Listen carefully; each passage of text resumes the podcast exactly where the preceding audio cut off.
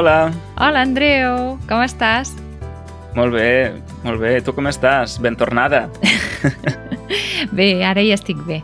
I esperem que Sí? continuï així. Sí. Eh, me n'alegro. Eh, em consta que vas passar pel dentista. Sí, he passat per gairebé tots els metges que hi pugui haver. Per tant, sí, he passat també pel dentista. Mare meva.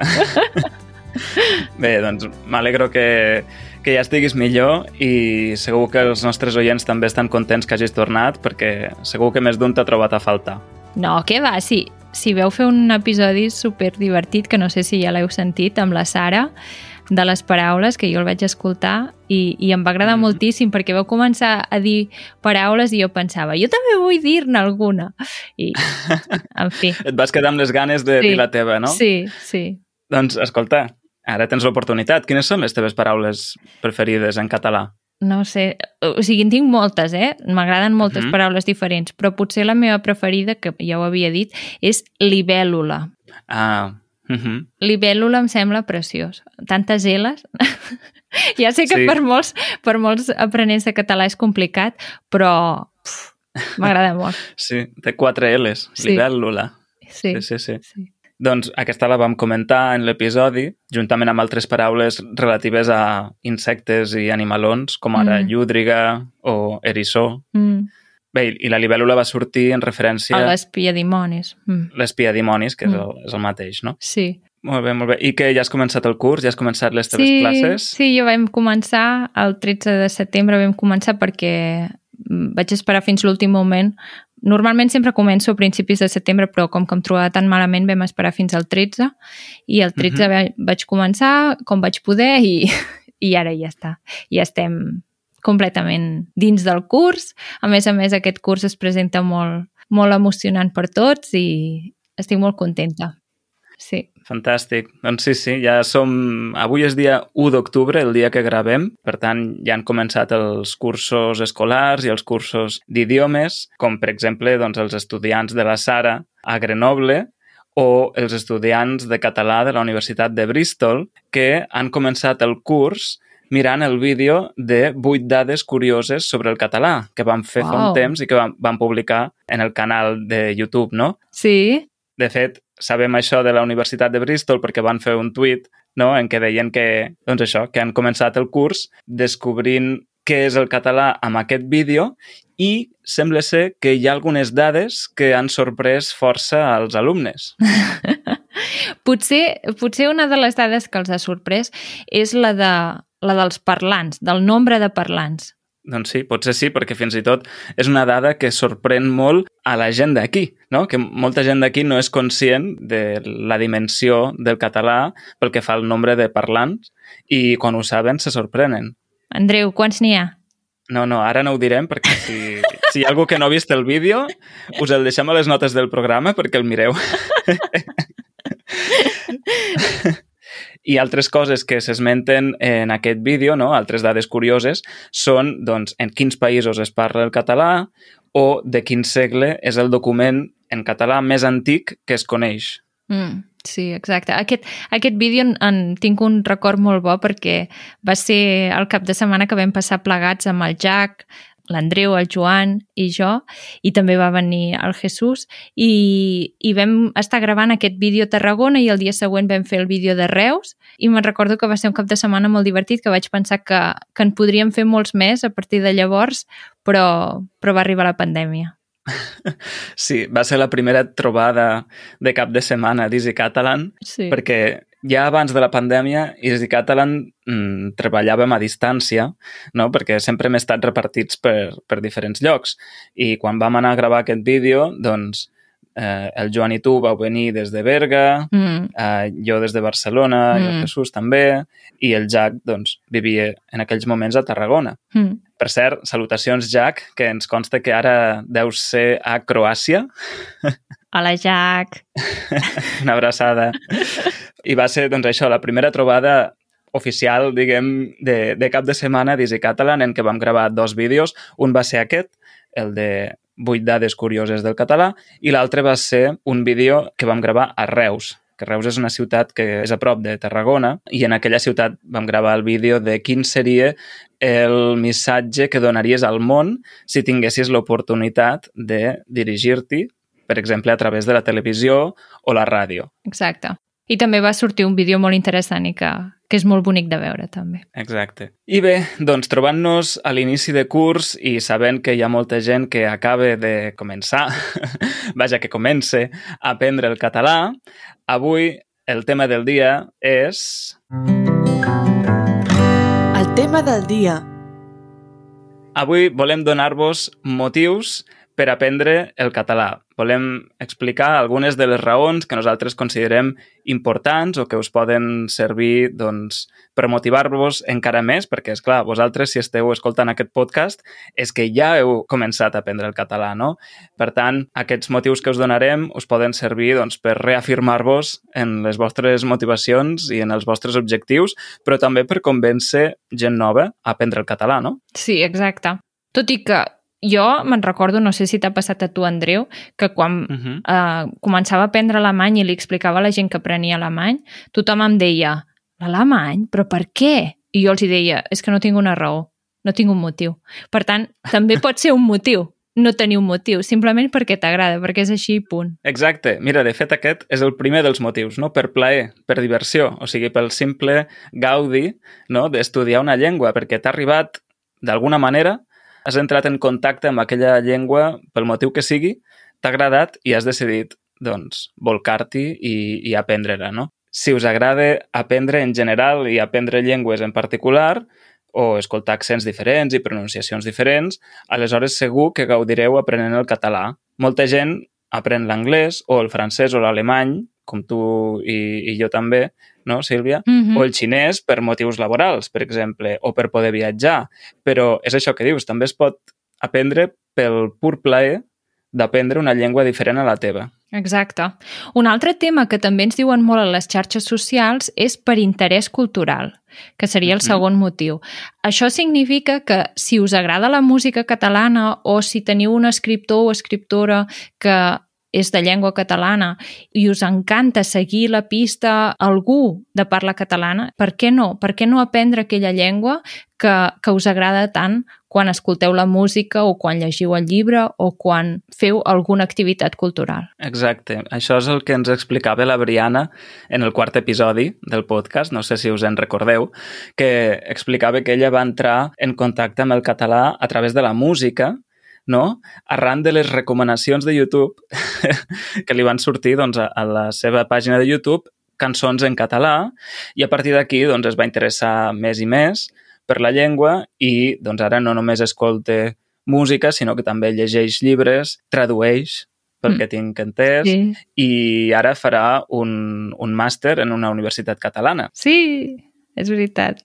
El tercer motiu és aprendre el català per a tenir més oportunitats laborals. Com bé diuen, no, el coneixement no ocupa espai i avui dia el coneixement de llengües està molt ben valorat. Sobretot si voleu viure i treballar en un territori de parla catalana, ja sigui a Catalunya, a Andorra, a la Catalunya del Nord, a les Illes Balears o al País Valencià, saber català en aquests llocs és un plus a l'hora de trobar feina i sovint serveix com a ascensor social, no?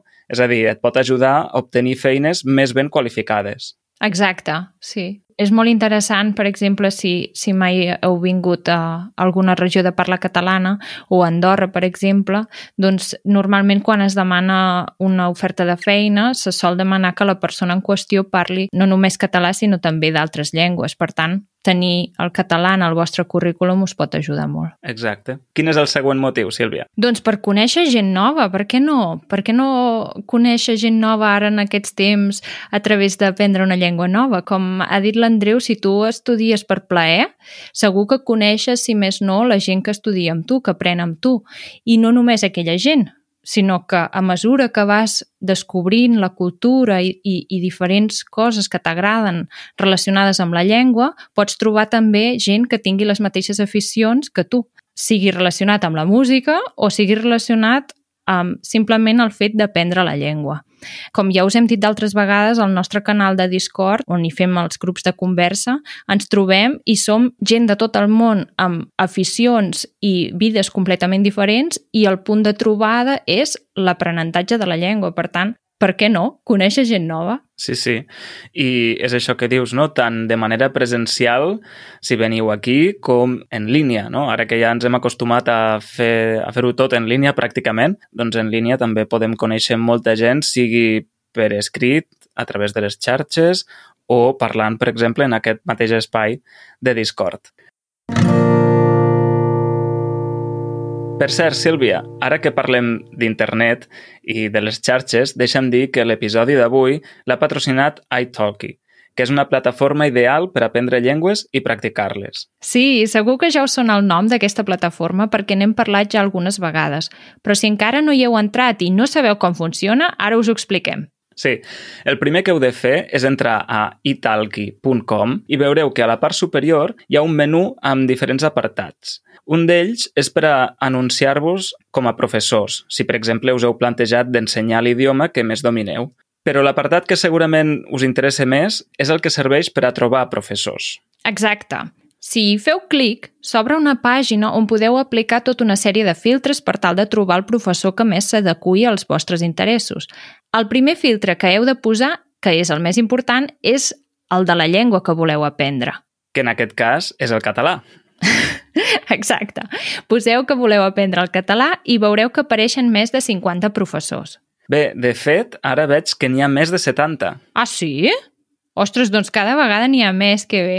Molt bé, fantàstic. Doncs això, un cop heu seleccionat la llengua, podeu buscar professors pròpiament dits o tutors. Els tutors són persones que no fan les classes convencionals, sinó que més aviat són sessions de conversa. Sí, i també podeu filtrar per preu o per disponibilitat i fins i tot podeu seleccionar les altres llengües que voleu que el professor conegui. Per exemple, si tot just heu començat a aprendre el català i necessiteu una llengua pont per a les classes, podeu posar que busqueu un professor que també sàpiga anglès o alemany o francès. Ei, I el que és més important és que si us registreu a la plataforma des de l'enllaç go www.italki.com barra easycatalanpodcast obtindreu 10 dòlars de crèdit per gastar després de la primera classe. Molt bé, Sílvia. Jo ja m'he decidit. Avui mateix ho provo. doncs ja ens explicaràs l'experiència. I tant. Molt bé, el cinquè motiu és per descobrir altres maneres de fer i de viure, no? Perquè, uh -huh. malgrat la globalització i que cada vegada les nostres societats s'assemblen més entre si, encara hi ha moltes coses del dia a dia que canvien d'un lloc a un altre i que ens demostren que les coses poden ser diferents a com ho són normalment per a nosaltres, no? I penso que adonar-se d'això és com una alegria, no? Perquè et fa entendre que les coses poden canviar i que hi ha moltes opcions possibles. Sí, és clar. O sigui, quan aprens una llengua nova, immediatament coneixes una cultura i, un, i una manera de fer que normalment són diferents al que tu ja coneixes. Exacte, és una manera de, allò que diuen en anglès de think out of the box. Exacte. Pensar fora del, del teu marc, mm -hmm. o sigui, mhm. sortir, sortir una mica del marc de pensament habitual i, i veure que les coses poden ser diferents, que hi pot haver altres maneres de, doncs això, de fer i de viure. També un motiu podria ser per tenir una experiència d'aprenentatge diferent.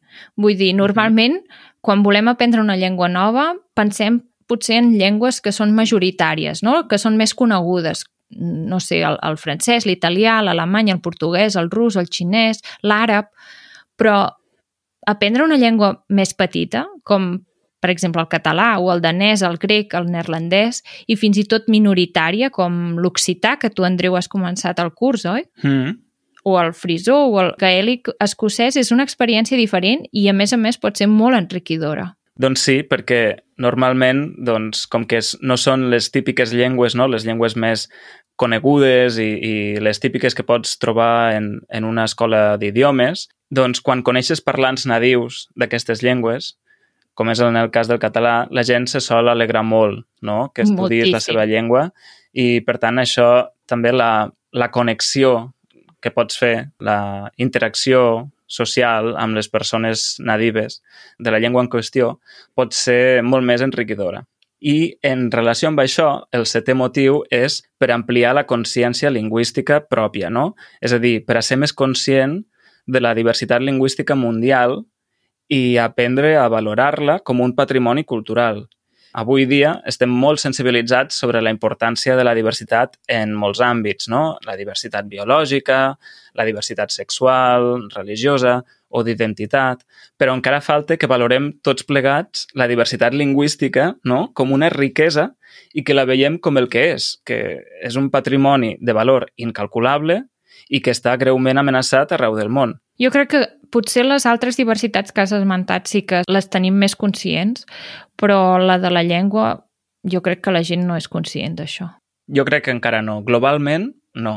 És que, de fet, si sobre la diversitat biològica no? de la fauna i sí. la flora n'estem conscienciats, però tot i així encara estem molt lluny d'implementar les mesures que caldria no? per, per resoldre l'emergència climàtica. Mm. Pel que fa a la, a la diversitat lingüística, doncs encara estem més lluny, no? perquè sí. les conseqüències del, del canvi climàtic ja comencen a ser palpables, no? i ja fa uns anys que són palpables, que tots podem veure que fa més calor a l'estiu, que cada vegada hi ha més desastres naturals, no? Mm. I tot això et fa créixer interiorment doncs, l'alarma i, i la consciència no? de que cal, cal fer alguna cosa.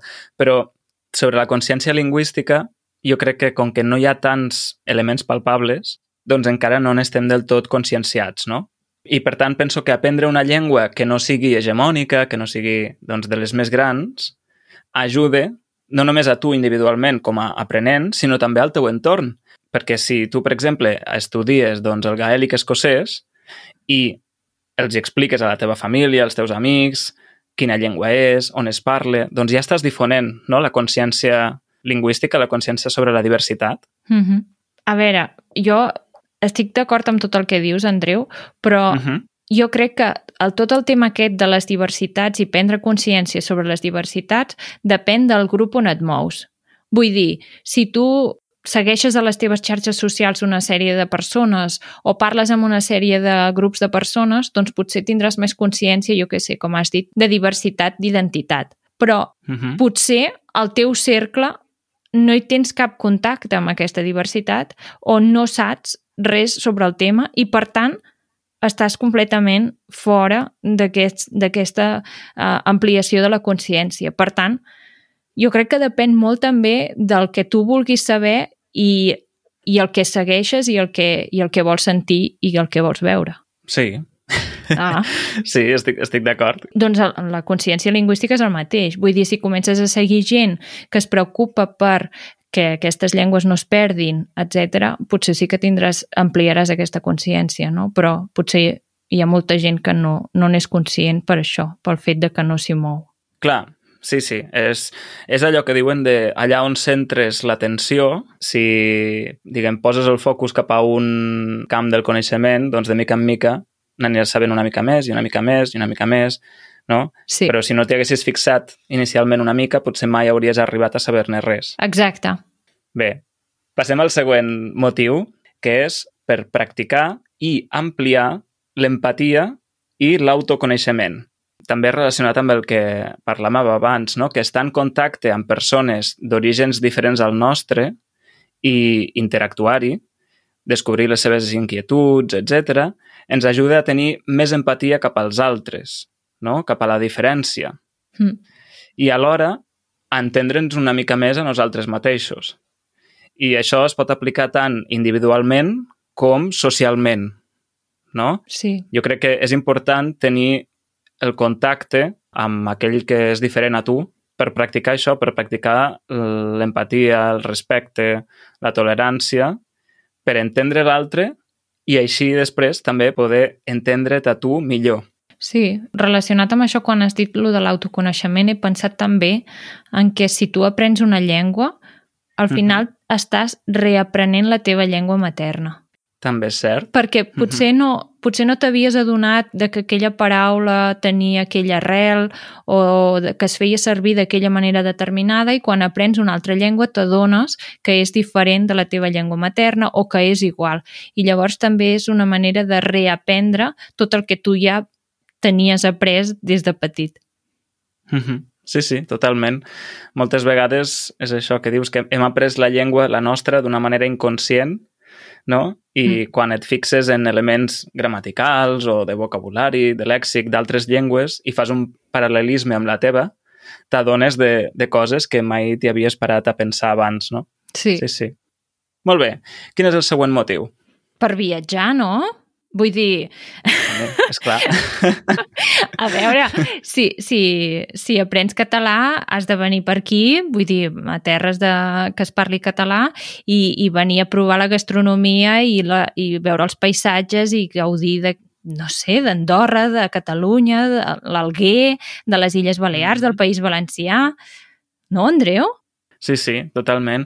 Ara m'has fet pensar en, en l'Anna, aquella noia mexicana que vam entrevistar en el tercer episodi del podcast, mm -hmm. no? i que va venir a Barcelona inicialment per fer un màster i que pel fet d'aprendre català va poder entrar en, en cercles socials als quals d'una altra manera difícilment hi hauria pogut accedir i que gràcies a això va viatjar molt per Catalunya més enllà de Barcelona no? i que va poder conèixer la cultura catalana de primera mà, o sigui, en festes populars, en concerts, en pobles petits, mm. i tot això, no? Per tant, sí, sí.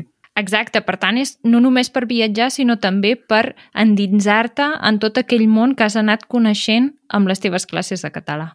Sí, i com hem dit diverses vegades, de catalans n'hi ha per tot arreu, no? I és possible que no us calgui viatjar i venir aquí, precisament, per practicar el català, sinó que mm, segurament doncs, per tot el món podeu trobar comunitats de catalans, no? perquè hi ha els casals catalans en moltes mm -hmm. ciutats, o també podeu assistir a les, a les activitats que organitzen no només els casals catalans, sinó també les universitats, no? perquè, per exemple, doncs, fan calçotades, diades castelleres, concerts, exposicions, cinefòrums... I tot això, doncs, al final són tot un conjunt d'activitats que podeu fer en català tant dins dels territoris de parla catalana com fora. Exacte. Molta gent pensa que als altres països no es pot aprendre català i és, és molt sorprenent veure, per exemple, que a Argentina diuen que hi ha la comunitat més gran de catalans a l'estranger, a l'Argentina. Wow. I potser la gent no ho sap, vull dir, i allà fan totes aquestes activitats que has dit en els casals i també fan cursos de català, vull dir, també són actius a l'estranger, per tant, podeu aprendre català i parlar amb catalans i tenir relació i contacte amb catalans a l'estranger. Exacte. Molt bé. El següent motiu, i número 10, és per interès polític, social o històric, no? Uh -huh. Més enllà de l'interès cultural, que d'alguna manera doncs, també està relacionat, però aprendre el català us pot servir per a descobrir més coses sobre la història del poble català i entendre més bé la seva realitat política i social actuals. No? Podreu entendre millor, per exemple, per què el català es parla en quatre estats diferents o com ha estat la relació entre Espanya i Catalunya històricament i en l'actualitat, o entre Espanya i les Balears i el País Valencià, no? Mm, exacte. I hi ha molta gent que quan ens visita Vull dir, quan anem a gravar un vídeo i ve algú a gravar un vídeo amb nosaltres, moltes vegades ens pregunta per temes polítics o històrics o socials o fins i tot si anem a veure alguna ciutat i anem passejant pels carrers, de vegades ens pregunta i això què és? I llavors comencem a parlar una mica de la història i de per què aquell edifici està allà o no. Sí, de fet, quan viatgem, sovint ens agrada no? que ens expliquin anècdotes històriques o curiositats, diguem, de caràcter polític o social de, dels llocs que visitem, no? Quan fem un, jo què sé, una visita guiada, un, un free tour, no? Aquests que estan tan de sí. moda últimament, ens agrada que ens expliquin aspectes doncs, de caràcter això polític, social, històric, que ens ajudin a entendre la societat en què ens trobem, no? Sí, i una altra de les raons que hem dit fa un moment és per fer-nos feliços a nosaltres, per fer feliços. Exacte.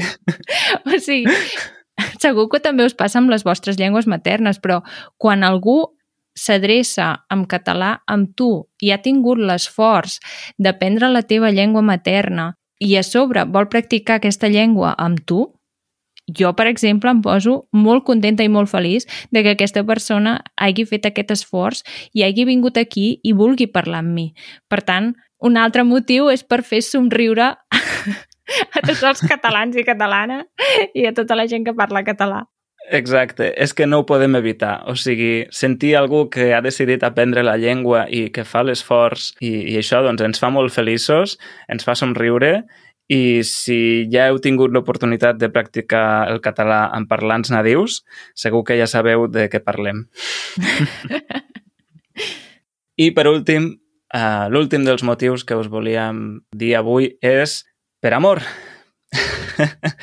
perquè molta gent ha començat a aprendre el català perquè s'ha enamorat senzillament d'un o d'una catalanoparlant, no? Per exemple, el Haldor Mar, que és aquest músic islandès que feia de presentador en el programa Catalonski, doncs es va enamorar d'una catalana i per això es va quedar a viure a Catalunya. I, de fet, en molts dels episodis d'aquest programa surten històries en què l'amor hi ha tingut un paper important, no? Però no ha de ser necessàriament la causa, l'amor, sinó que també pot ser la finalitat, no? És a dir, que es pot aprendre català per trobar l'amor, també. De fet, va ser Nelson Mandela qui va dir que si parles a algú en una llengua que entén, el missatge li arribarà al cap. I si li parles en la seva llengua, li arribarà al cor. Uau, quina frase tan bonica, no, Andreu? Sí. Molt bé, sí, sí. molt bé. És molt bonica, així que ja ho sabeu. Per tant, si voleu enamorar un català o catalana, no us podeu perdre el vídeo que hem fet d'entrevistes sobre com lligar. ja podeu anar-lo a veure si encara no l'heu vist. Exacte. Vam gravar un vídeo en què preguntàvem a la gent com s'ho feien per lligar, no? per trobar parella. I bé, aquest vídeo el vam gravar amb la Sònia, que és una noia d'Olot que s'ha incorporat també fa poc a l'equip i bé, us el recomanem molt aquest vídeo. Sobretot si voleu trobar l'amor en català. L'expressió de la setmana. Doncs Sílvia, hi ha una expressió en català, no sé si la utilitzes gaire, però és tot és començar. No, la veritat és que no, no la faig No la fas servir? No. Bé, en realitat ve d'una expressió que és el menjar i el gratar, tot és començar. Això vol dir que, que un cop comences a menjar o a gratar-te, gratar-te és eh, quan et pique un mosquit i, i doncs la pell la tens vermella, no? Perquè pique, llavors et grates. Això és gratar-se. Llavors, doncs, gratar-se, igual que menjar, tot és començar, perquè un cop comences ja no pots parar. No? Doncs jo penso que en el català també es pot aplicar això, que un cop comences a aprendre el català ja no pots parar, perquè com que els catalans ens posem tan contents quan, quan vosaltres apreneu el català, doncs, doncs us motivem també, no? I al final això és una gran família i us volem acollir a tots. Easy Catalan recomana. Relacionat amb l'aprenentatge del català, avui us recomanem un reportatge d'un magazín digital que es diu La Mira. Um, és una revista en línia que està molt bé, visualment és molt bonica també, i és un reportatge en què entrevisten diferents persones que han adoptat el català, diguem-ne, no? que han après el català i l'han adoptat com a llengua habitual això us el recomanem perquè són perfils molt diferents. Hi ha, per exemple, una noia de Kiev, no? d'Ucraïna, una altra noia anglesa, un noi del Nepal, un altre de Sèrbia, un noi del País Basc. Són perfils molt diferents, amb motius també diferents per aprendre el català i potser us hi sentiu reflectits en algun d'ells o, o potser apreneu algun motiu nou que no hem esmentat nosaltres. Exacte. I si encara no heu començat a aprendre català, us deixarem també una llista de llocs on poder fer cursos de català. Exacte. Us posarem la llista a les notes del programa amb diferents llocs dels diferents territoris de parla catalana on podeu trobar cursos de català. I també de llocs en línia. Molt bé, Sílvia, doncs jo crec que ja podem deixar aquest episodi aquí avui. Molt bé. Crec que hem donat força motius per aprendre el català. Si encara no estàveu del tot convençuts, esperem haver-vos convençut per continuar aprenent la llengua i per convèncer els vostres cercles d'amistat a fer-ho també. Molt bé, Andreu, doncs ens veiem al pròxim episodi. Perfecte. Vinga, que vagi bé. Adeu. Adeu, adeu.